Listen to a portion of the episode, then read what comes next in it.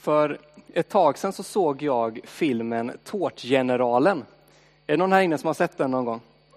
Ja, det är några stycken. Tårtgeneralen, det är en film om Köpings alldeles egna original, Hasse P.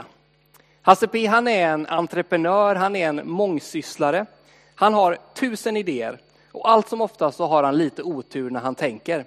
Det blir sällan så som Hasse P har velat. Och den här Hasse P han älskar sitt Köping.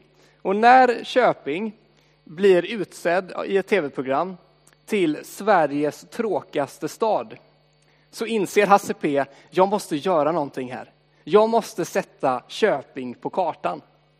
Så han spånar på idéer och det finns ju många idéer, men så kommer han på det, den bästa idén. Tänk om vi kan få in Köping i Guinness rekordbok. Och jag vet hur vi ska göra det.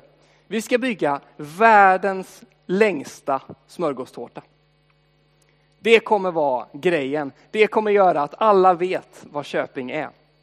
Och sagt och gjort, de börjar baka den här tårtan och när det är dags för invigning så kommer Hasse P inflygandes i helikopter.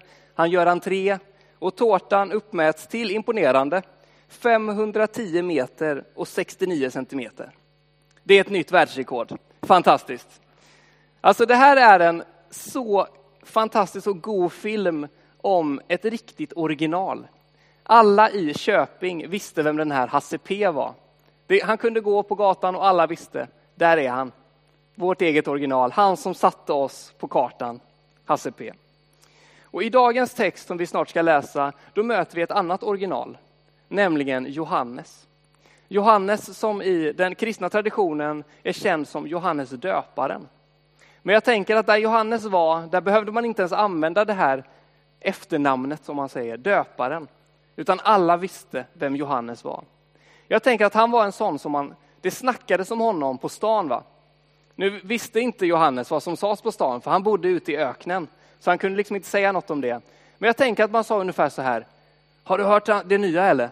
Nu har han börjat klä sig i kamelhår. Vem gör det? Häromdagen när jag gick förbi Johannes, då stod han där och så satt han och knaprade på lite gräshoppor. Och så sköljde han ner det med vildhonung. Vem är den här snubben egentligen? Han är ett riktigt original. Alla visste vem Johannes var. Men det verkar som att det var någonting som drog människor till Johannes. Johannes han hade ett tydligt budskap. Han predikade omvändelse och dop. Människor skulle vända om från sina tidigare liv och de skulle döpas.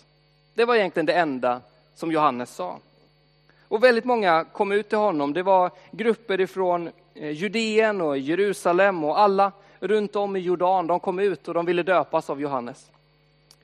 Och så kommer två religiösa grupper, fariseerna och saddukeerna. Och det är till just de här som Johannes ord, som jag ska läsa nu, riktar sig till. Så här står det i eh, Matteus kapitel eh, 3 och vers 11 och framåt. Jag döper er med vatten för omvändelsens skull. Men han som kommer efter mig är starkare än jag och jag är inte värdig att ta av honom hans sandaler. Han ska döpa er med helig ande och eld. Han har kastskoven i handen och ska rensa den tröskande säden och samla vetet i sin lada, men agnarna ska han bränna i en eld som aldrig slocknar. Och jag fortsätter. Sedan kom Jesus från Galileen till Johannes vid Jordan för att döpas av honom.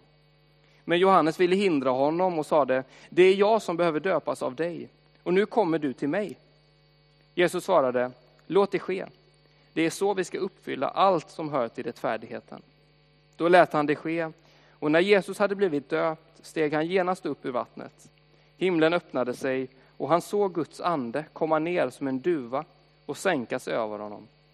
Och en röst från himlen sade, detta är min älskade son. Han är min utvalde. Vi ber. Gode Gud, nu ber jag att du ska komma och fylla det här rummet och göra så att vi kan lära känna dig lite mer idag. Öppna upp ditt ord så att vi kan få förstå det och ta det till oss. Låt det som är från mig försvinna bort, men det som är från dig, Gud, låt det få bära frukt. Be så i Jesu namn. Amen. Alltså Johannes han säger så här, det kommer en person efter mig. Jag är inte huvudattraktionen. Det kommer en till. Jag är snarare bara ett förband. Jag ska värma upp lite, men sen kommer en som är så mycket starkare än mig, så mycket mäktigare än mig, så mycket mer kärleksfull än vad jag är. Och jag är inte värdig att ta av hans sandaler. Den här mannen, han kommer att döpa er med helig ande och eld. Och sen så händer det där. En dag kommer Jesus till Johannes och vill bli döpt av honom. Alltså när det här händer, då tänker jag att det är lätt hänt att Johannes kände sig lite liten. Alltså vem är jag att döpa Jesus? Det är ju jag som borde bli döpt av honom. Och i dessa tider med en coronapandemi över oss och vi måste tänka i, på olika sätt, då är det lätt att man kanske känner sig liten. Lätt att man liksom sänker modet, att man blir orolig. Jag tror att Johannes kände sig så. Men Johannes han fick bli använd även när han kände sig liten. Så kanske är det för just i en sån här tid som Gud vill använda dig till någonting. Det är en bön du kan ta med dig och fundera på inför den veckan som kommer. För Gud använde Johannes, även om han kanske kände sig liten, så fick han vara med och ge välsignelse till andra.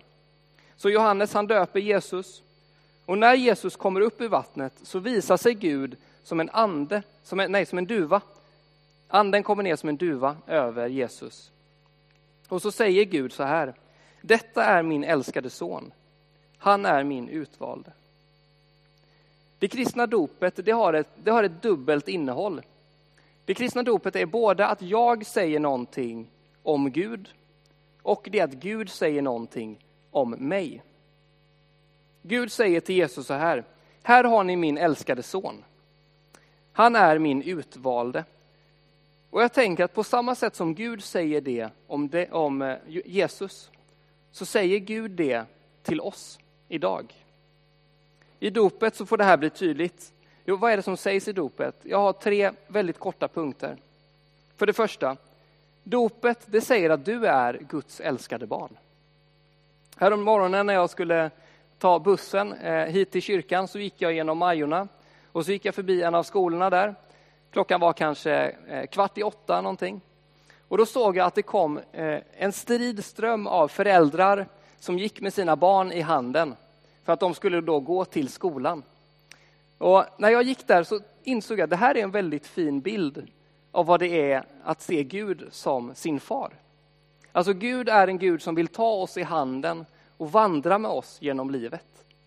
Gud är en Gud som tar oss vid handen när det är dåligt väder ute, när det åskar och stormar, då går Gud med oss i handen. Och Gud är också en Gud som går med oss när livet är gött, när vi har mycket att tacka för. Oavsett omständigheter så kommer ju den här föräldern att gå där med sitt barn. Och på samma sätt vill Gud gå med oss, för vi är Guds älskade barn.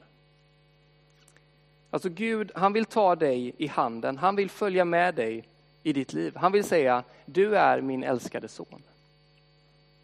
Och det andra som Gud säger i dopet, det är att du är utvald av Gud. Jag kommer ihåg att det fanns ett program eh, när jag var liten. Antingen så fanns det här programmet eller så har jag hittat på det. Men det kanske är någon som kan bekräfta detta sen. Men det handlade om att det var barn som fick gå in i ett stort köpcentrum och så fick de en minut på sig och bara gå in där och ta så mycket de ville i det här eh, köpcentrat. Jag tror man vann någon tävling och så var det liksom första priset. Man fick komma dit och så fick man länsa det här varuhuset på prylar. Och jag kommer ihåg att det kom ut sådana här kickbikes och det kom ut tv-spel och det kom ut någon nalle och det var fullt med grejer som kom ut ur det här varuhuset när de här barnen var inne och härjade.